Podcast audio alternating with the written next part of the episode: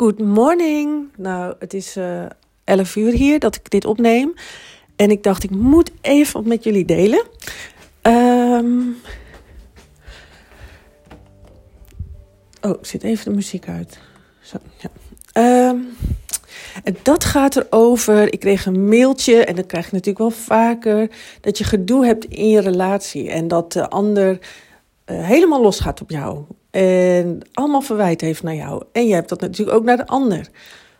Uh, wat we willen doen heel vaak is dat we het drama zelf willen oplossen. Dus waarom doen we zo tegen elkaar? Welke oude pijn zit hier tussen? Uh, hoe moeten we hier uitkomen? Dus we proberen het drama op te lossen. Maar het drama is maar een verhaal. Er zit natuurlijk een kern van waarheid in.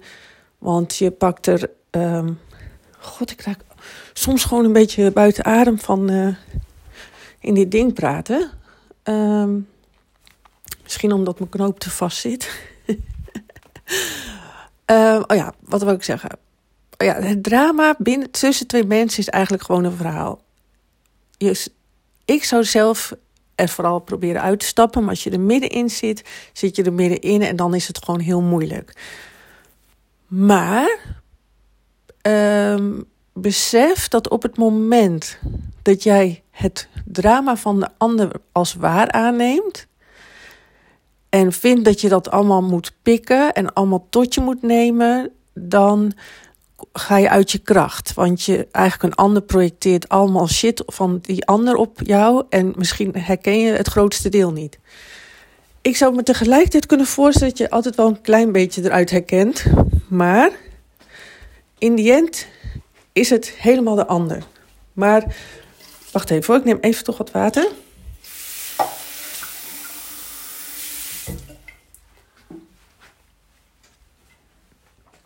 Het nadeel is, is dat ik gewoon die telefoon pak en opeens denk ik ga even een uh, podcast opnemen.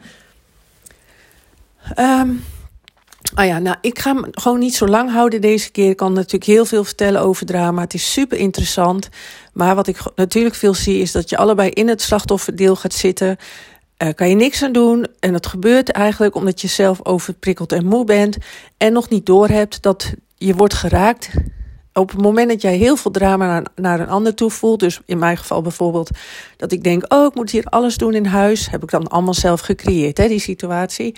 En uh, uh, oh, ik kan echt niet zijn met deze partner, want de, er is zoveel troep altijd.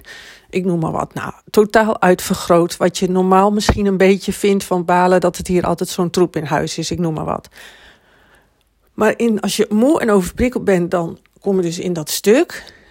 Wat je dan, en dan heb je het gevoel dat een ander dat veroorzaakt. Dat het komt door de ander. Maar de ander maakt je alleen maar eigenlijk bewust van wat er in jou leeft. Dus wat ik je voor even in, het korte, in deze korte uh, podcast wil meegeven. De ander kan jou niet zien. En jij kan de ander niet zien. En doe hiermee wat je wil. Je hoeft dit niet te geloven, maar als je aan zelfonderzoek doet en steeds meer uh, dicht bij jezelf komt, steeds meer uh, eerlijk gaat kijken, gaat onderzoeken wat gebeurt er nou eigenlijk. Want we proberen altijd het verhaal op te lossen, toch? De oude pijn. En waarom hebben wij zoveel drama tussen elkaar? Ga je naar een psycholoog? Nou, los je stukken op.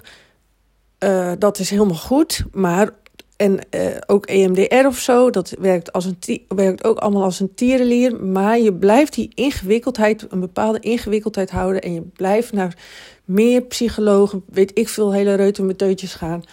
Op het moment dat je dingen buiten jezelf blijft leggen. Dus als je het maar wil oplossen, die problemen met een ander. Ik wil je adviseren, ga terug naar jezelf. Onderzoek je eigen binnenwereld onderzoek wat gebeurt er nu eigenlijk, hoe ben ik in dit drama gekomen en onthoud echt wat de ander jou allemaal verwijt is van de ander. Als de ander zegt, jij bent manipul... manipul nou, ik kan het woord niet eens uitspreken. Manipule... Nee, ik kan het niet uitspreken. oh, wat vaag. Oké, soms heb je een woord, dan ga je die opschrijven en dan denk je ook opeens van, hè? Uh, nou, ik ga hem uh, manipuleren.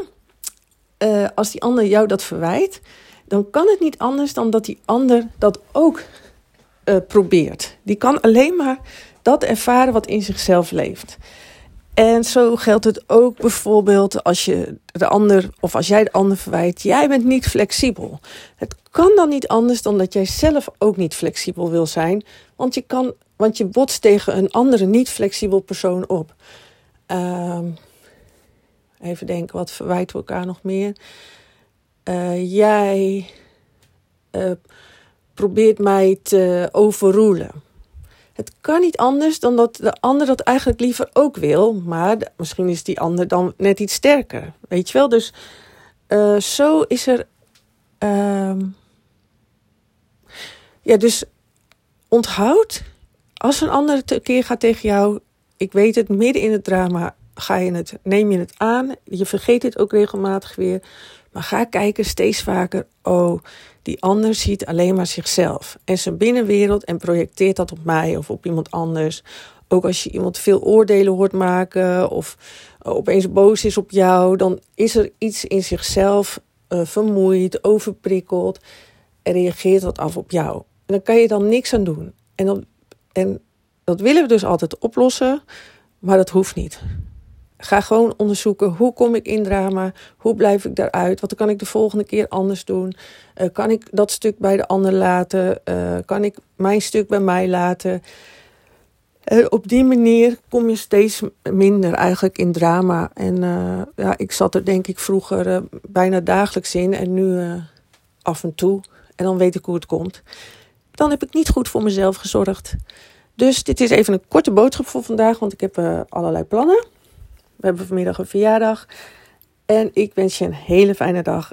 Dus wat van de ander is en projecteert op jou, uh, is iemands anders binnenwereld.